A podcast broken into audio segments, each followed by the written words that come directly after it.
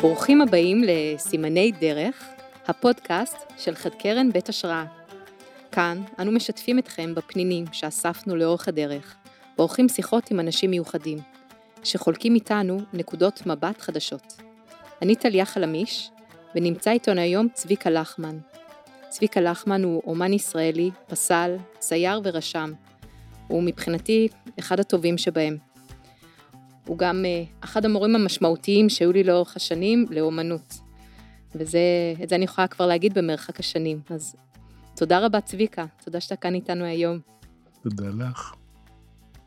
טוב, אז uh, אני כבר, אם כבר אמרנו את זה, אני אשמח להתוודות שאת צביקה הכרתי כשהייתי בת 19, חיילת, ולא היה לי הרבה זמן, הייתי חיילת עם אה, לו"ז מאוד מאוד גדול אה, של דברים, אבל היה לי רצון ללמוד לצייר. לא עשיתי את זה כל כך לפני, ומצאתי איזשהו קורס, אפילו לא ידעתי מי אתה, ואני זוכרת שהגעתי פעם ראשונה וציירתי ציור של אישה, אני לא זוכרת אפילו מתוך מה או איזה הקשר, ואני זוכרת שבאת ואמרת לי שאין פה בכלל עין, ואין פה בכלל אף, ואין פה בכלל פה, ואיכשהו כל הציור התפרק.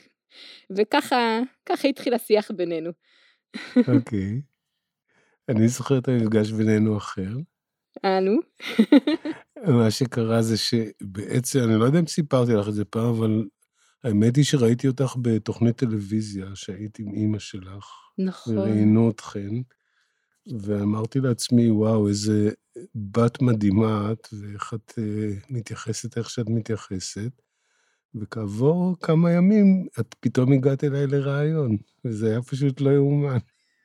אני לא ידעתי בכלל ההקשר הזה, אבל כן. אם כבר אמרת, אז באמת אה, אימא שלי, זיכרונה לברכה, היא הייתה אז עם טרשת נפוצה, ו- ומאוד, אה, היה איזושהי תרופה שמאוד אה, האמנו שהיא יכולה לעזור, וחיפשתי בכל דרך איך לעשות את זה. זוכרת שהיה לנו גם אה, בג"ץ שהגשנו, וניסיתי בכל צורה, ואיכשהו זה הגיע לחדשות, אני אפילו לא יודעת איך, שזה התגלגל, ו... קיבלנו המון תמיכה, זה, זה היה, הייתי אז חיילת, אפילו אני זוכרת שהיה לי נורא חשוב להיות חיילת, כי קיבלנו עזרה מביטוח לאומי, אמרתי, אם אנחנו מקבלים עזרה, אני גם רוצה לתת, ו...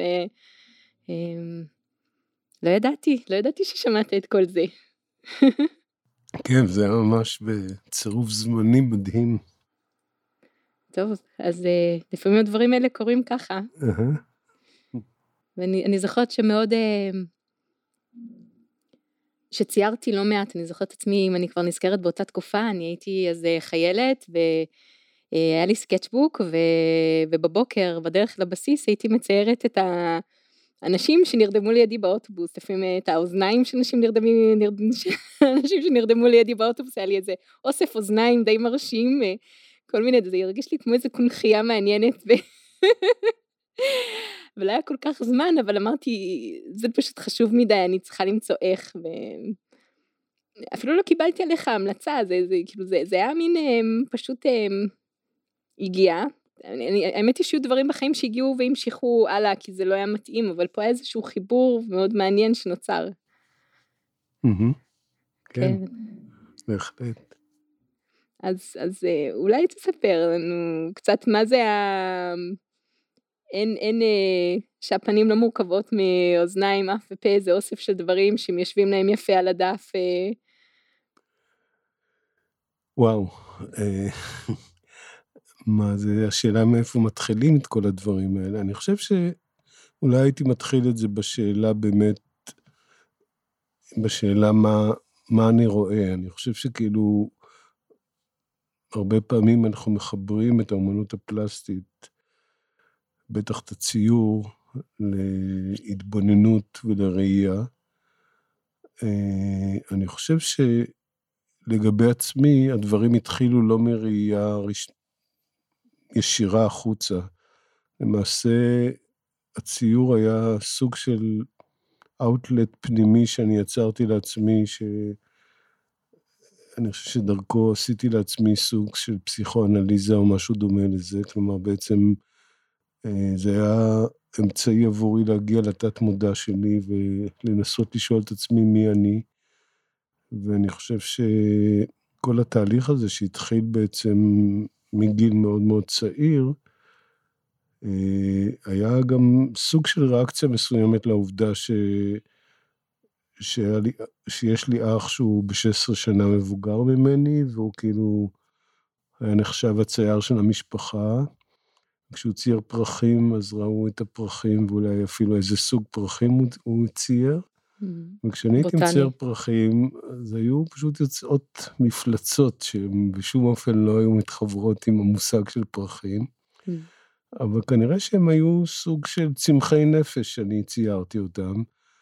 ובשלב ראשון זה היה מאוד מתסכל, כי חשבתי שאני בעצם לא יודע לתת ביטוי למה שאני רואה או למה שאני רוצה לצייר, אלא הדבר השתלט אליי ויצר את עצמו, הרגשתי את עצמי כמו שוליית הקוסם, שהדברים בעצם קורים כאשר אני רק איזשהו מדיום שלהם. ואני חושב שזה היה זה היה רגע מכונן מבחינתי. אני חושב שכאילו, יש לנו הרבה פעמים, הרבה פעמים רגעי הולדת. כלומר, יש כמובן את הרגע שבו אנחנו נולדים לעולם בצורה מבטן אמותינו וכל מה שקשור בזה, אבל יש רגע הולדת מסוג אחר, שנניח במסורת שלנו זה היה לך לך של אברהם, הרגע שבו אתה בעצם שואל את עצמך למה אתה נמצא פה ולשם מה. ואני חושב ש... שעבורי זה היה נקודה נורא נורא משמעותית. באותה תקופה, הציורים שציירתי הם בהחלט כללו עיניים, אוזניים שהזכרת קודם, mm. כלומר, הם היו מאוד מאוד אה, דפורמטיביים, והם בסופו של דבר יצרו סוגי חיבורים שהם לא קיימים במציאות, ולכן הם בעצם נתפסו על ידי המתבונן כמפלצות, או כמשהו שבעצם לא תמיד כאילו אפילו להתחבר עם האנושי בצורה הישירה, אבל uh, אני חושב שכן הדבר שבאופן טבעי כנראה הרגשתי זה שאתה לא יכול פשוט uh, לקחת את הדברים שבעולם ולשים אותם על הדף, גם אם אתה מוכשר מאוד. אומרת, אתה יכול, אבל כדי שהם יהפכו להיות קיימים, אתה צריך לעשות בהם איזושהי פעולה. באותו זמן הפעולה הייתה בעצם באמת אה, איזושהי המשגה דמיונית של יחסים, של יצורים, של יחסים, של חללים,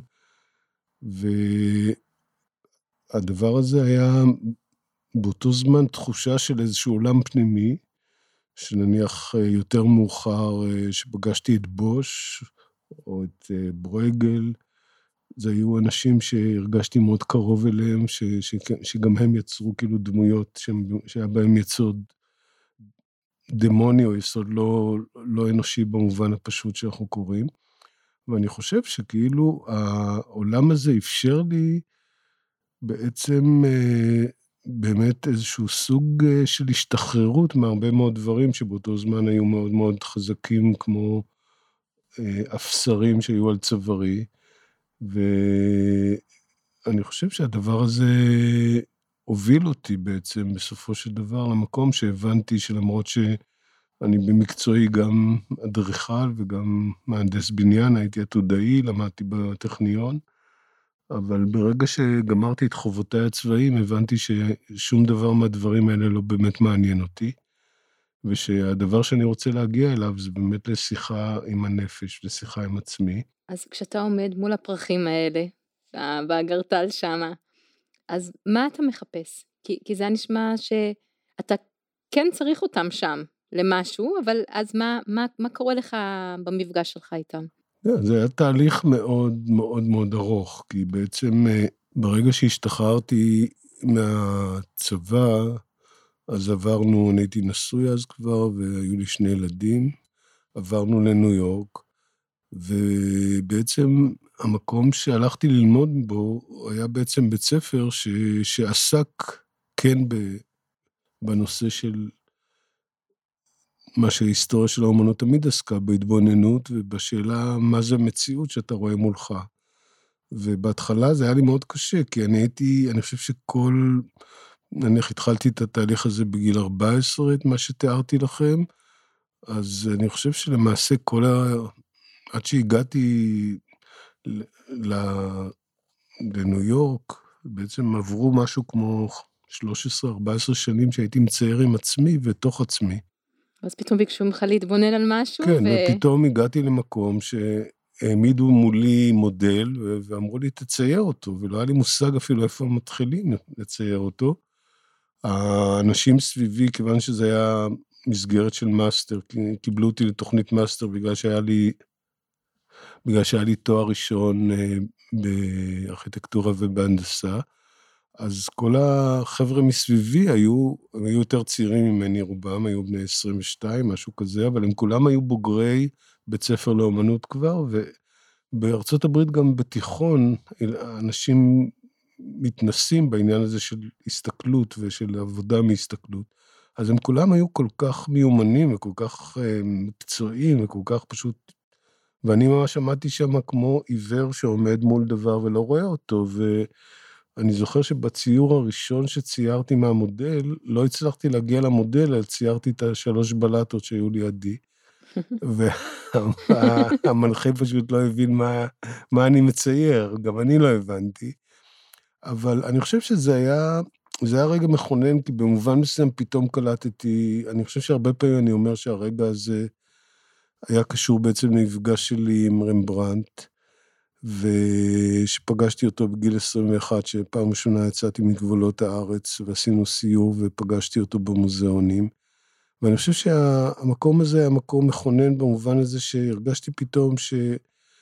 שכמובן זה סוג מסוים של ריאליזם, או סוג מסוים של התבוננות באמת בדרגות מדהימות, אבל מצד שני, זה בו זמנית, זה העירום של הנפש, מה שהוא מצייר, ושבסופו של דבר, העובדה שהוא כן עוסק באיזשהו דבר קונקרטי, בדבר שנמצא מולך, שהוא יכול להפוך להיות גם הדבר שקיים מולי, והוא לא רק דמיון אישי סובייקטיבי של מישהו, פתאום קלטתי שיש בזה משהו שאולי הוא יותר קשה, כאילו שבעצם במובן מסוים הדבר הכי דמיוני אולי זה לצייר את הריאליה שמולך.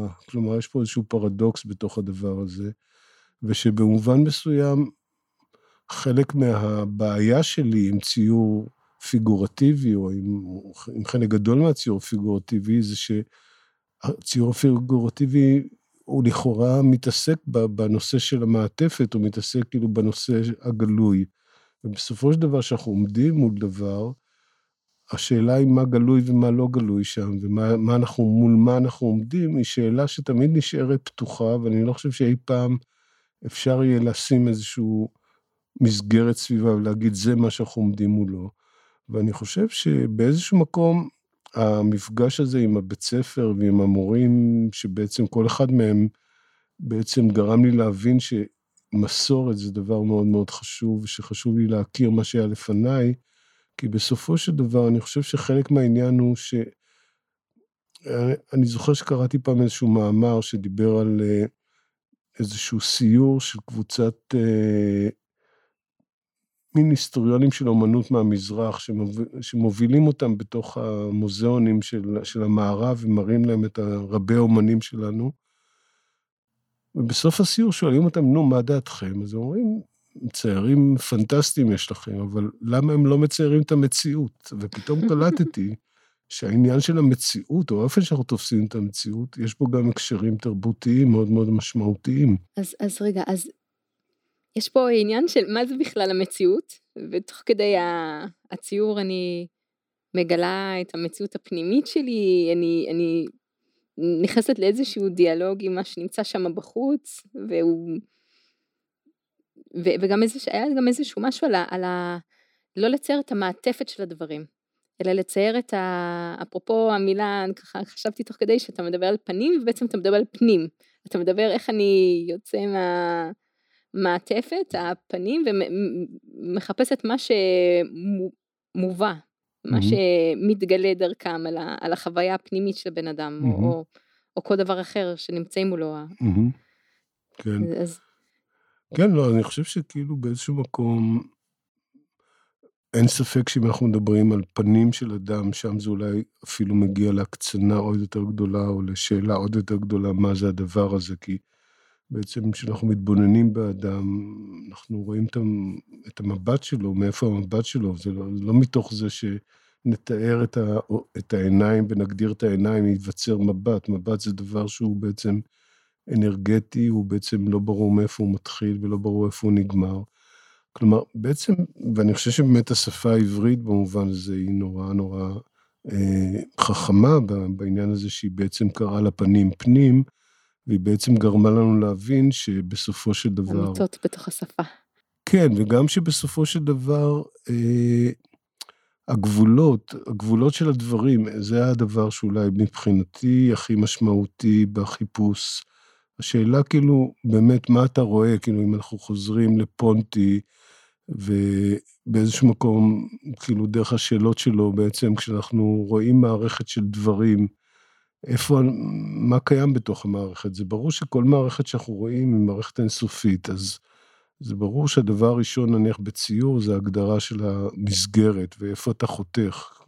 הדבר הזה מאוד ברור, אני חושב, היום בעולם שלנו, כי כולנו מצלמים, ואנחנו יודעים שבעצם הפריים זה הדבר שהוא מאוד מאוד משמעותי בצילום, mm-hmm. וכמובן מאוד מאוד משמעותי בציור, וכמובן גם מאוד משמעותי בסופו של דבר בפיסול, למרות שכל אחד מהם הוא בצורה שונה, כי באמת הציור והצילום, כאילו הפריים הוא דבר בילט אין, בפיסול, הפריים הוא דבר שאתה צריך ליצור תוך כדי עבודה, ולכן הוא כאילו עוד יותר מורכב באיזושהי שאלה, מה זה הפריים שביחס אליו אתה עובד. אבל אני חושב שכאילו, אם אני חוזר רגע. למה שאת אמרת, שאמרתי לך שאין עיניים ואין אוזניים וכולי, כן. ואני חוזר לחוויה הראשונית שלי מול, ה...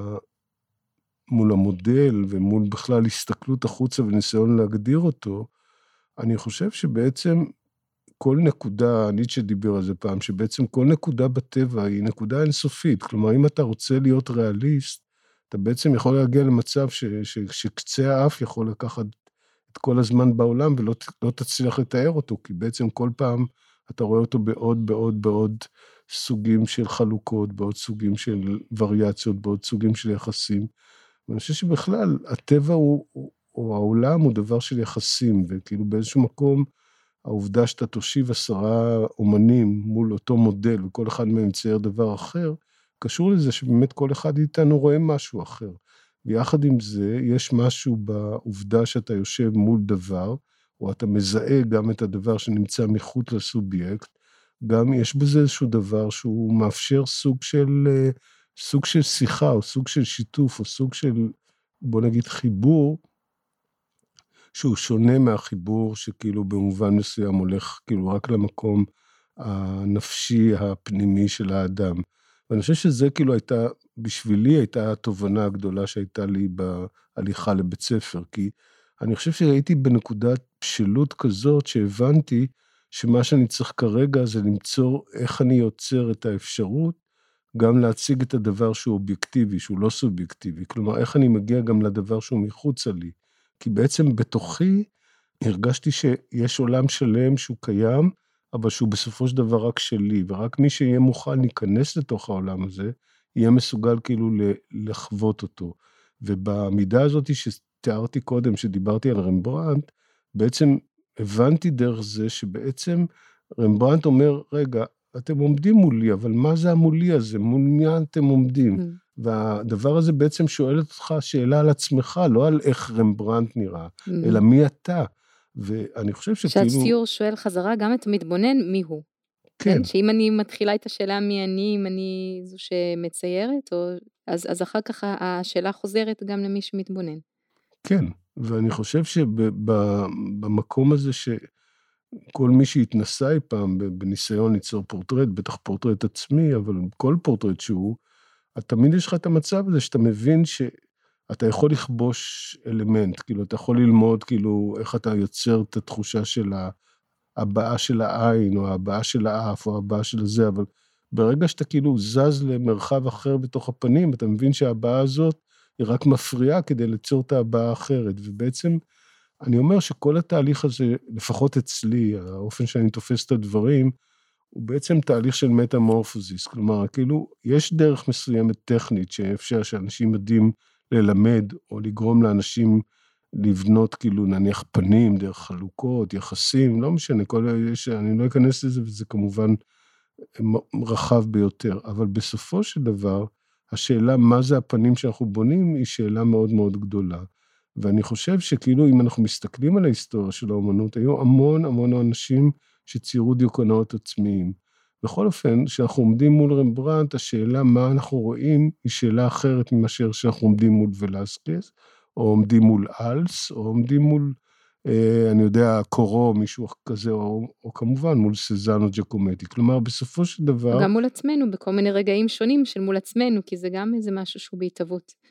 כן, אבל אני, אני מדבר כרגע במובן, לא, לא רק של עצמנו, אלא במובן שאני חושב שהמקום הזה של בעצם הדיוקן, או, או המקום, שוב, המושג בעברית דיוקן בא מתוך השורש דיוק, לדייק, ו, וככל שאתה עושה את זה יותר, אתה מבין שבעצם אין פה כאילו, את, את מה אתה מדייק, את העובי של הגבות, את האורך של העפפיים, את הגודל של הנחיריים, או אתה מדייק איזשהו דבר אחר שהוא בעצם מטאפיזי, ושאתה בעצם לא יודע מהו, ושהוא בסופו של דבר אה, ממחיש את הדבר הזה. ואני חושב שכאילו חוויה מאוד מאוד חזקה ביחס לדבר הזה, הייתה לי, הייתה קשורה בפסל שלי שנקרא פנים מול פנים, שהוא בעצם היה אוקיי. פסל שהתחיל בניסיון שלי ליצור בעצם ראש או פנים של אימא שלי שהיא כבר לא הייתה בחיים,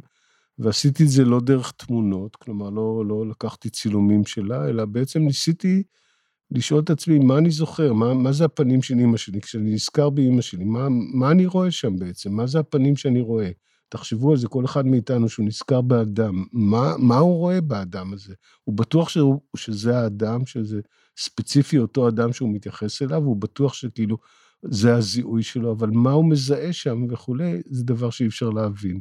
Mm. וההתח... וההתנסות הזאת באמת עשתה לי משהו מאוד מאוד, uh, גרמה לי להבין משהו, כי אני הסתובבתי, עשיתי את זה, עבדתי בחמר, וכמו שאני אומר, לא עבדתי מול צילומים, אלא מול הזיכרון שלי, והיו כל פעם רגעים שהיה נדמה לי, הנה, אני כרגע קולט אותה, הנה, אני כרגע קולט אותה. ובסופו אה, של דבר, כאילו הרגשתי שלאורך התהליך הזה, אה, בעצם הגעתי לרגע מסוים, שהרגשתי שאני לא יכול יותר. זאת אומרת שזה כל הזמן היה בהשתנות, והרגשתי שהגעתי לנקודה שמבחינה נפשית הגעתי למקום של לא הרגשתי שהצלחתי, זאת אומרת, כן. התחושה הייתה תחושה של כישלון, אבל הרגשתי שהגעתי לנקודה של, של רוויה, שאני לא יכול יותר לעשות את זה, ואז החלטתי לצקת את הפסל הזה. ובתהליך הזה של היציקה, מה שקרה, משהו השתבש בתוך היציקה, בתהליך הטכני, זה היה, נתתי את זה למישהו שיצק אותו לאבן, עשה נגטיב ויצק אותו לאבן, ובעצם ביציקה הראשונה משהו השתבש, כיוון שהמישהו הזה היה פרפקציוניסט, הוא אמר, אני לא יכול לתת לך את הפסל ככה, כי הוא לא לגמרי זה, ואני אעשה עוד יציקה. והוא עשה עוד יציקה. וברגע שראיתי את שני הראשים, כי השיבוש שהיה בפסל הראשון, היה שיבוש מסוים, אבל באופן בסיסי זה היה, הפנים היו שם.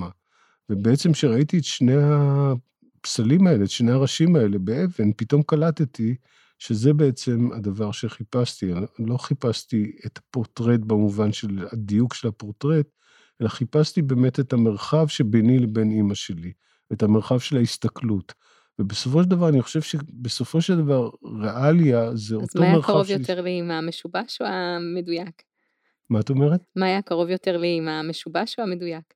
אני חושב ששניהם לא היו קרובים במובן הראשוני שיצאתי לדרך, במובן של החיפוש הראשוני. אני חושב שכאילו מה שהבנתי זה שבסופו של דבר, המרחב של ההתבוננות בין שני הראשים הוא בעצם אותו מרחב זיכרון שאנחנו מדברים עליו, שאנחנו חושבים על מישהו. כלומר, יש לנו, אנחנו, אנחנו תמיד רואים בן אדם ממרחק מסוים. אנחנו אף פעם, זאת אומרת, זה לא...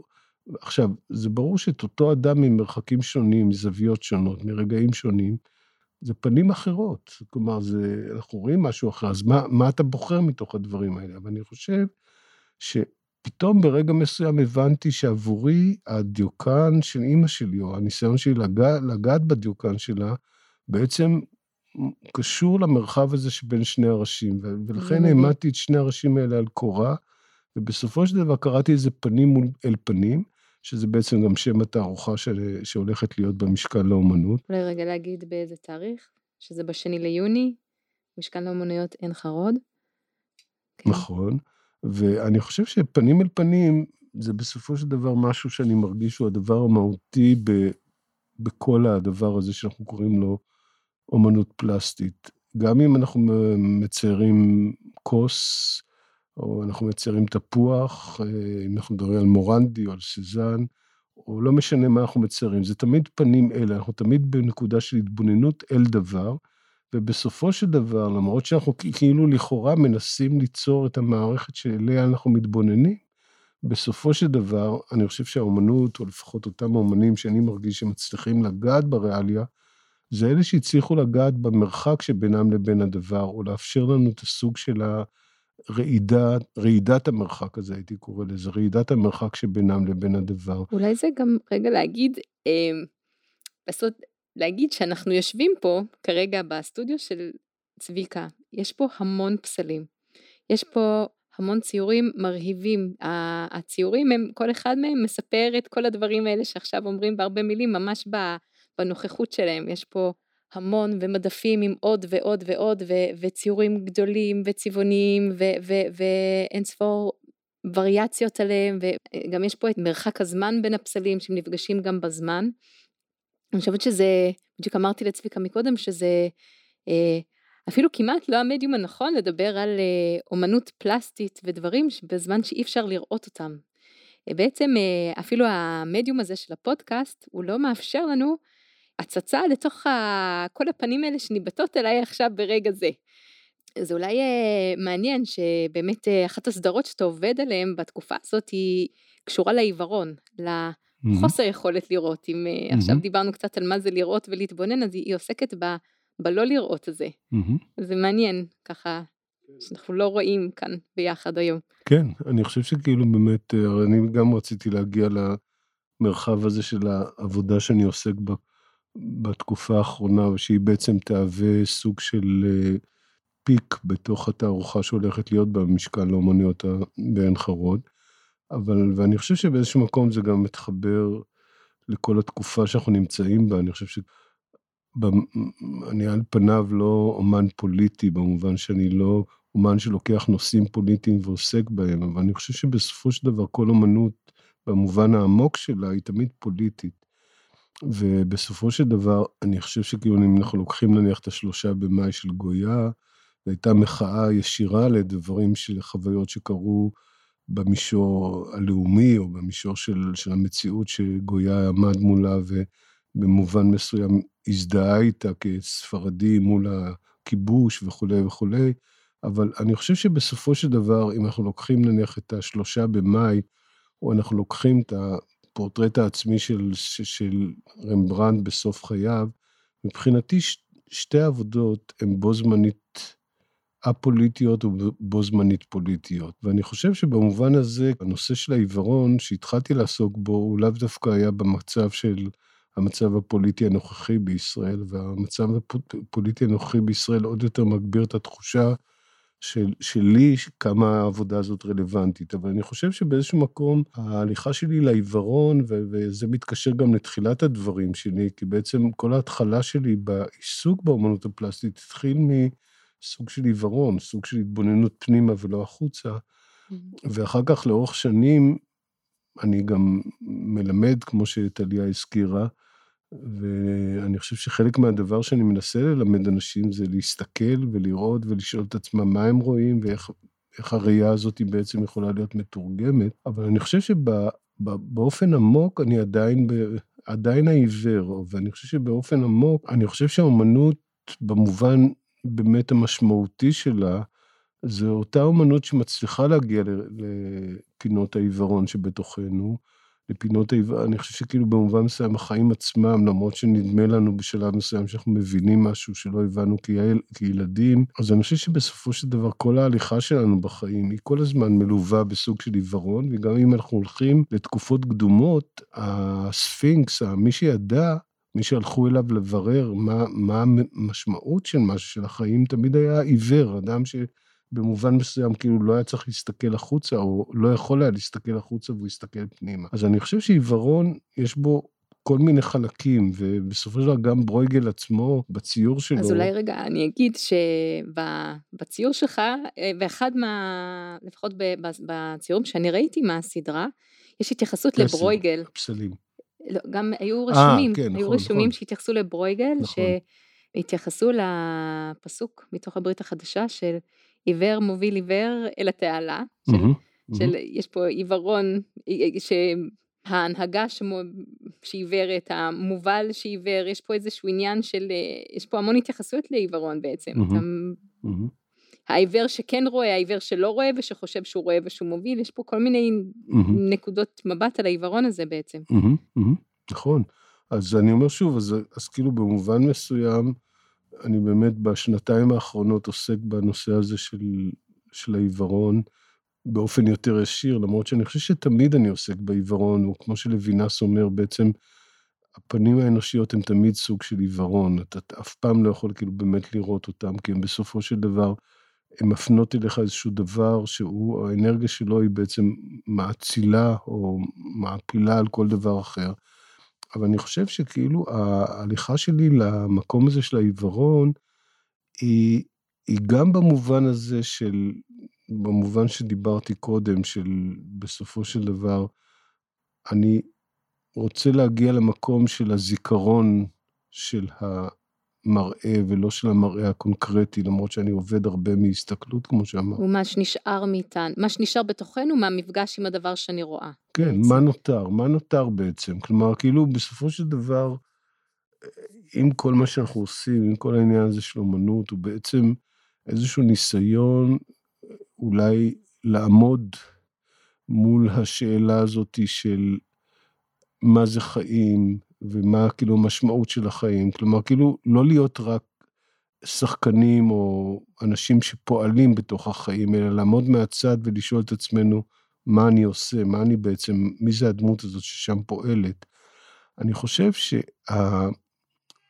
אולי כאילו, כדי להמחיש את זה, אני אנסה לתאר איזשהו דבר, שוב, יש לי אהבה מאוד גדולה לצ'ארלי צ'פלין, ואני בתקופה שלי בניו יורק, אה, היה בית, קפה שנקרא אוליב טרי, שכל הזמן הקרינו סרטים שלו, והיה מאוד קרוב לסטודיו סקול, למקום שלמדתי, ואני הייתי כאילו בלילה, כשהייתי נתקע ב, בעבודה, הייתי ניגש למקום הזה, והייתי פשוט מסתכל שוב ושוב, זה, היה, זה היו סרטים שהיו רצים שוב ושוב ושוב, וחלק מהחוויה היה שאנשי המקום, זה היה בדרך כלל בשעות הקטנות של הלילה, אבל שאנשי המקום, כשהם היו רואים אותי, הם היו עוזבים את המשמרת שלהם והיו באים לשבת לידי, כי הם ידעו שאני צוחק בצורה כזאת, שהם נורא נהנו מזה שאני, מהאופן שאני צוחק. אבל אני מספר את כל הדברים האלה, כי אני חושב שבאיזשהו מקום צ'ארי צ'פלין עבורי הבין משהו לגבי העניין הזה של העיוורון ובעצם הראייה, ואולי אני, אני כאילו אחדד את זה בסרט,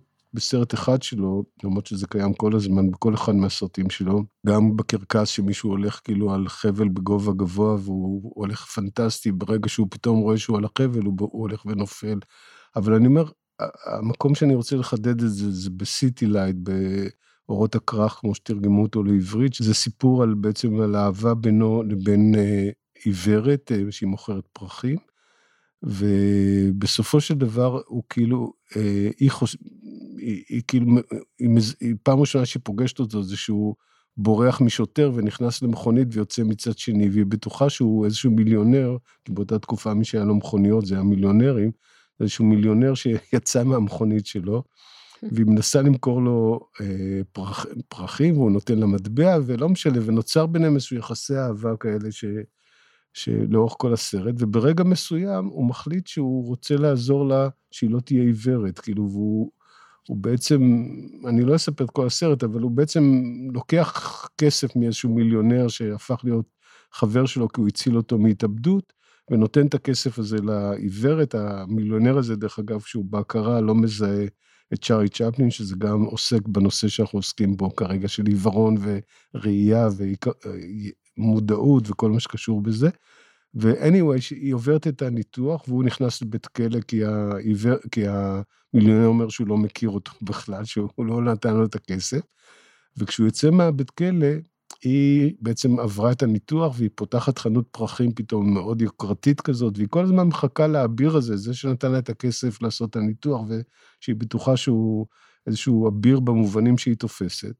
ואז הוא יוצא מבית הכלא, שהוא מרוט כולו, ומוזנח, ובאמת מסכן, והוא עובר ליד חנות פרחים, והיא מוכרת את אותם פרחים שהיא מכרה גם כשהיא הייתה ברחוב עם הסל פרחים שלה, והוא מזהה את הפרח, והוא מזהה את החנות, והוא מזהה אותה, הוא מסתכל ממנה דרך החלון ראווה, ואז היא רואה אותו מסתכל, והיא חושבת שהוא פשוט איזשהו קבצן שמחכה שהיא תיתן לו איזשהו דוניישן, תיתן לו איזושהי תרומה, ואז היא יוצאת החוצה מהחנות, היא לוקחת משהו מהקופה, יוצאת החוצה מהחנות, ונותנת לו את הפרח, ושמה לו את המטבע ביד. וכשהיא שמה לו את המטבע ביד, היא קולטת שזה הוא, כי את היד שלו היא זוכרת מאז שהיא הייתה, שהיא הייתה עיוורת, זה הדבר שהוא תמיד נפגשו בידיים. ואז היא אומרת לו, זה אתה. ואז הוא אומר לה, ועכשיו את רואה והרגע הזה בסרט הוא בעצם מבטא את כל הפרדוקס של הדבר, כי בעצם היא עכשיו רואה, אבל עכשיו היא בעצם לא רואה. וכשהיא לא ראתה, היא באמת ראתה את הנפש שלו וראתה את מישהו. וכשהיא רואה, היא רואה אותו רק במעדיות שלו, בעובדה שהוא דלפון, בעובדה שהוא לא האביר שהיא חשבה שהוא יהיה, הוא נמוך. כל, ה, כל החסרונות שלו, בקיצור, היא רואה. כן.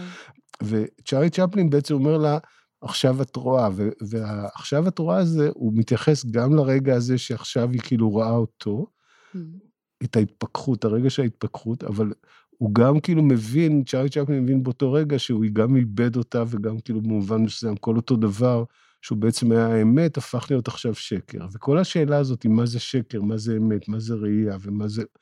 בא למשפט הזה. אז אני אומר, כאילו, עבורי זה היה סרט שפשוט מדהים, והרגע הזה זה רגע שפשוט הייתי כל פעם מעלה דמעות בעיניי, אבל אני חושב שבשבילי, כאילו, זה אולי הדבר הכי עמוק שאני מרגיש, כאילו, שבעצם אני שואל את עצמי את השאלה הזאת, איך אנחנו יכולים בעצם אה, לעסוק בעולם בחוץ, ויחד עם זה לנסות כאילו להגיע לאותו דבר שהוא בעצם האפלה של הדבר הזה, או הליבה של הדבר או הבטן של הדבר הזה. כלומר, איך אתה יכול להסתכל על בטן של מודל, ובעצם בסופו של דבר להרגיש את הבטן מבפנים.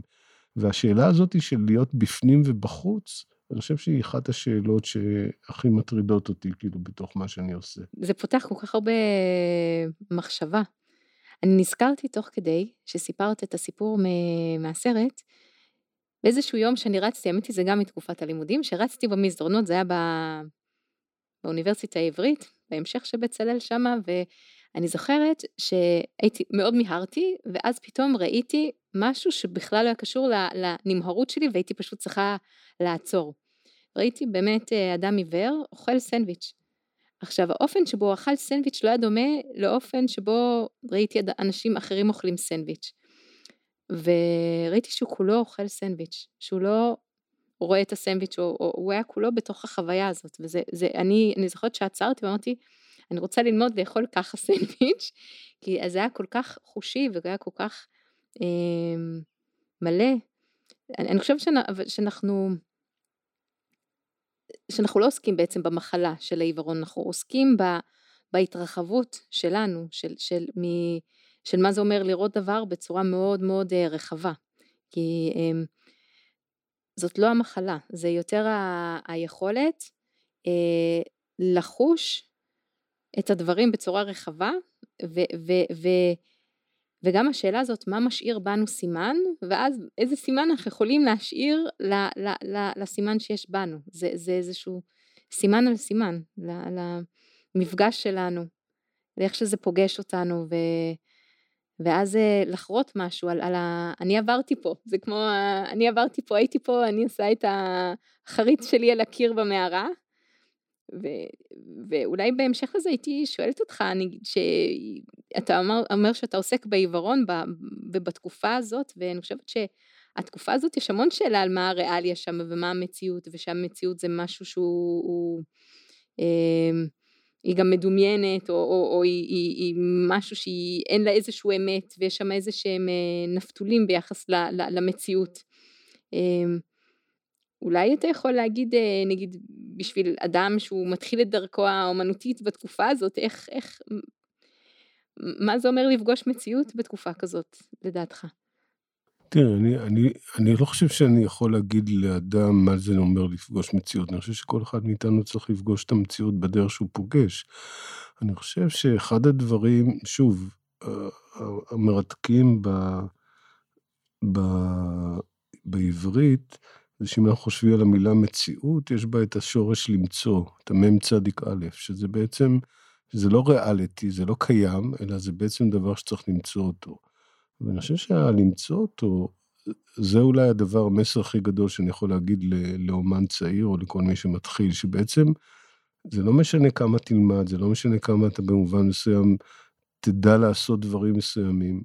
הדבר העיקרי הוא אותו מקום שאתה מוכן כאילו בעצם ללכת באפלה, כלומר לעזוב את כל אותו דבר שהוא במובן מסוים ידיעה, כי אני, אני אומר שוב, זה העניין הזה של ללמוד אומנות הוא, הוא שאלה מאוד מאוד גדולה. אה, אני, בתקופה שדיברתי עליה, לא רציתי ללמוד אומנות, בתקופה המוקדמת, כי הרגשתי שאומנות זה דבר שאו שאתה נולד איתו או שאתה לא נולד איתו, ואי אפשר ללמוד אותו באמת. ואני חושב שבאמת הדבר העמוק אי אפשר ללמוד, כי שוב, אומנות, אם אנחנו חוזרים לרגע של עברית, יש בה את השורש של אמונה ושל אמן, ושל, זה, זה שוב, זה דבר כאילו אמוני פנימי שאדם נולד איתו, והוא לא לא יכול ללמד אותו להיות, להאמין. אבל אני חושב שאתה כן, במובן מסוים, יכול לגרום לבן אדם להשתחרר מהרבה דברים שבמובן מסוים הם כאילו הופכים להיות עבורו כאילו אה, אורים ותומים. ואני חושב שכאילו במושג הזה, אני חושב שאם אני חוזר רגע לפסל הזה שאני עוסק בו כרגע, ושלא רק בפסל, אלא גם ברישומים, כמו שתיארת, ובאמת אה, אני עוסק בזה כל הזמן, אני חושב שהדבר שבאמת אה, הכי חזק שעובר אליי בתוך הדבר הזה, זה שמצד אחד יש שרשרת, כלומר, אנחנו כולנו תמיד בתוך שרשרת מסוימת, גם אם אנחנו מאוד מאוד אינדיבידואליים, גם אנחנו מאוד מאוד כאילו לעצמנו. שרשרת עם מי? מה הכוונה? שרשרת מבחינת העובדה שאנחנו חלק מ... אנחנו חוליה בתוך איזשהו דבר. כן, ב- ביחס אומרת, להיסטוריה? ביחס, להיסטור... ביחס לקיום עכשיו? האנושי, ביחס לזיכרון האנושי. כלומר, אם אנחנו חושבים על זה, הזיכרון האנושי הוא, הוא משהו כמו 40 איש שנותנים יד אחד לשני, 40 דורות שבעצם פלוס מינוס 50 דורות שיש, שבעצם יש לנו כאילו היסטוריה אנושית.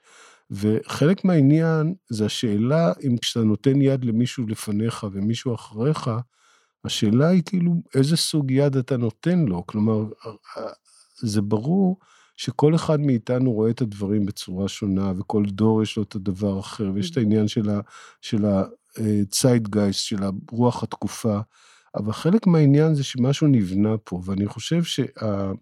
השאלה המאוד גדולה עבור האומנות, בעיניי, או בכלל עבור תרבות, או בכלל מבחינה אנושית, זה מה היחס בין העובדה שאנחנו מצד אחד אה, לא רוצים כאילו ליצור את המגדל בבל, כלומר לא רוצים ליצור מצב שבו כל אחד ידבר שפה אחרת, במובן הזה שלא נוכל להבין אחד את השני, וכל אחד כאילו יהיה רק בתוך השפה של עצמו. כלומר, אנחנו צריכים ליצור פה איזושהי שפה שהיא כן קומוניקטיבית, שכן אפשר להעביר אותה, שכן אפשר כאילו במובן מסוים ליצור בה איזשהו משך.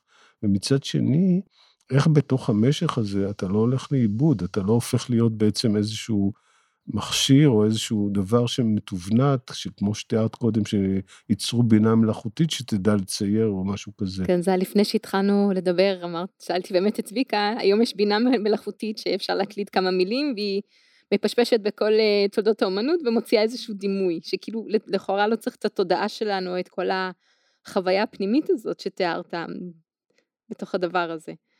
כן, אז, אז אני אומר שוב, אז, אז, אז באמת כאילו השאלה היא, אם, אם בסופו של דבר המקום הזה שאתה כאילו במובן אחד אומר, אתה רוצה ללכת אל עצמך או להבין מה זה עצמך, זה אותו דבר שכשדיברתי בתחילת השיחה, דיברתי על, ה, על האלמנט הבעצם הלא נשלט שהתחלתי לעבוד איתו, או התחיל, הוא בעצם התחיל להשתחרר ממני בלי שאני בכלל החלטתי על זה, ובו זמנית אתה כאילו רוצה כאילו להבין גם מה זה האתה הזה ביחס למה שהיה לפניך? כלומר, זה לא רק ביחס לעצמך, אתה חייב כאילו להבין גם את הדברים ביחס למה שקרה לפניך, או ביחס למרחב שבתוכו אתה נמצא, ביחס לזמן שבתוכו אתה נמצא.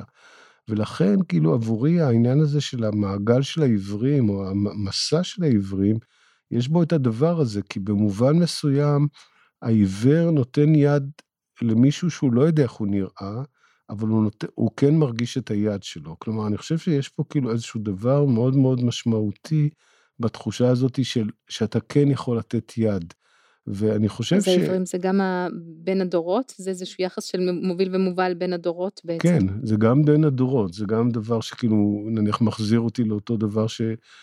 שבעצם פסל מאוד חשוב שבעצם אה, קראתי לו מול אבי, או בעצם משחקי השח, שבעצם עוסק שוב באיזושהי חוויה שהיא בעצם רואה כאילו את עצמך דרך איזושהי רפלקטיביות של דבר שנמצא מולך, שהוא בעצם במובן מסוים הקדים אותך, אולי במובן אחר יצר אותך, כמובן בטח באופן פיזי יצר אותך, אבל בו זמנית, ההתבוננות שלך בדבר, היא נמצאת מנקודת זמן אחרת. ואני חושב שהתחושה הזאת היא שבמובן אחד אנחנו שרשרת, שאנחנו כאילו נותנים ידיים, והדברים כאילו יש המשכיות, ומצד שני אף אחד מאיתנו לא יכול להיות בנקודה של האחר.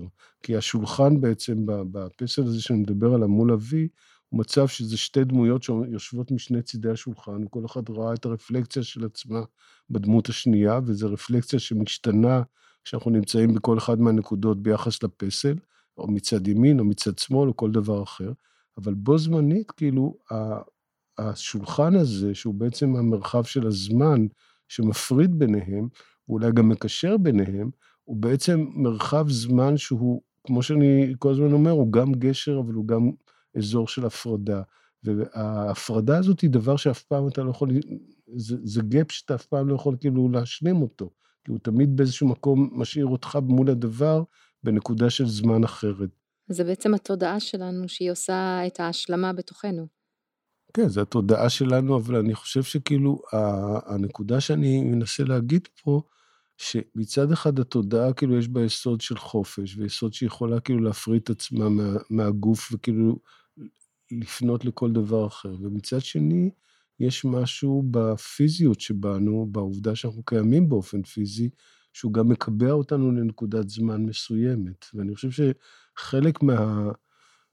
מהדואליות הזאת זה בעצם המרחב שבין שני הכוחות האלה, בין המרחב של הכוח שבעצם עוזר לנו להבין את המגבלות, את המוגבלות שבעצם של ההימצאות שלנו בנקודת זמן. ו... אפילו, אתה חושב לעצמך בתור יוצר, כאילו, כאילו נניח, אני כאילו מרגיש שאני רק נולדתי עכשיו, ואני כאילו בשלבי היוולדות. יחד עם זה, פיזית, אני מרגיש כאילו שהגוף כאילו גם קורה לו משהו עם הזמן, שאתה לא יכול לעשות היום, נניח מה שיכולתי לעשות לפני 20, 30, 40 שנה, מבחינת יכולת עבודה, מבחינת כל מיני דברים. אז, אז בעצם כאילו יש פה איזה שהם שני שני כוחות, שבעצם אתה כל הזמן רוצה להיות במקום שבמובן מסוים תהיה עם אותו כוח שהוא הכוח הרוחני, והכוח שהוא במובן מסוים חסר גבולות, ושהוא יכול להגיע לכל מקום שהוא רוצה.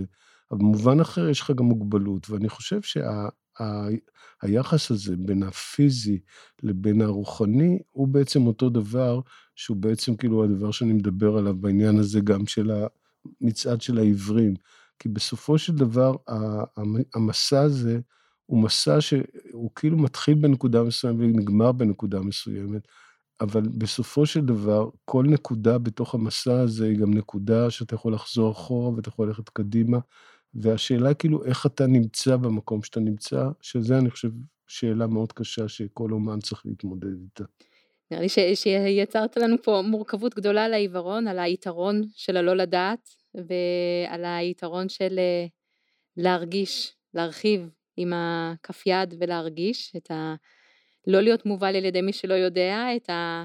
זה שאנחנו נישאים בזמן, יש פה עוד המון המון דברים, וגם אפילו היום תיארת לנו הרבה מאוד פסלים, שנראה לי שככה מי שהקשיב בתשומת לב יכל לדמיין אותם בעוד אה, הרבה מאוד צורות. אז אה, המון כן, המון תודה. צריך, צריך כמובן להיות בתוך החלל של הפסלים כשאנחנו שומעים את הדבר הזה. כן, זה מעניין, זה מעניין איך שגם אה, גם אם מישהו היה, מעניין אם גם אם מישהו היה בחלל של הפסלים, היה, אם היה הולך הביתה. כי זאת השאלה שלך, נכון? מה נשאר בנו? כן, מה נשאר, ואיך אפשר בכלל ליצור סוג של עדות, שזה כאילו חלק מהדבר שהאומנות מנסה ליצור. איך אפשר ליצור עדות בזמן, כאשר מי שקורא את זה הוא לא בזמן שלך, ואיך אפשר ליצור עדות כשאתה עצמך גם הפועל וגם העד, ובעצם יש איזושהי שאלה מאוד מאוד קשה, איך אתה יכול להיות בו זמנית בשני התפקידים האלה. רציתי להגיד לך, כי אני פשוט יושבת פה בסטודיו של צביקה, שאתה עם הזמן נראה דומה יותר ויותר לפסלים שלך. כן? כן, מה אתה אומר על זה? או שזה ההפך? הם התחילו להידמות לך? תראי, אני חושב שהעניין הזה של דומות, שוב, זה דבר שגם באמת הרבה מאוד לאורך השנים, שאלה ששאלתי את עצמי, מה זה דומות בעצם? כלומר, כשאתה עושה דיוקן של מישהו, מתי כאילו אנשים יגידו זה דומה, מתי זה לא דומה, ויש את, ה, את הסיפור שאני תמיד מספר, שבמובן מסוים מאוד מאוד השפיע עליי, וזה היה ב-82, mm-hmm. והייתה תערוכה של סוטין בניו יורק, אני הייתי באותו זמן, למדתי שם, והלכתי לתערוכה, זו הייתה תערוכה בגלריה ב-57, וסוטין נפטר ב-1950, זה כבר היה 30 ומשהו שנה אחרי פטירתו. בקיצור, והיה שם ציור של אישה בשמלה אדומה, יושבת, ומתחת לציור ישבה אישה בשמלה אדומה, שהיה נראה שהרגע סוטין צייר אותה, שהרגע כאילו ציירו אותה ותלו את זה על הקיר, כמו ממש ציור. ואני הלכתי הלוך וחזור, כאילו לא ידעתי אם כן לפנות אליה, לא, בסוף החלטתי שאני בחופן פונה אליה, ניגשתי אליה ושאלתי אותה, אמרתי לה שזה מדהים אותי הקשר בינה לבין הציור, ואם יש קשר בינה, בינה לבין הציור. והיא פשוט, חיוך זרח על פניה, היא רק חיכתה שמישהו יבוא וישאל אותה, היא ישבה על כיסא גלגלים דרך אגב. התברר שהיא הייתה הספונסרית של סוטין, היא הייתה כאילו מאהבת שלו והחזיקה אותו, ואת הציור הזה הוא צייר לפני יותר מ-30 שנה. וואו.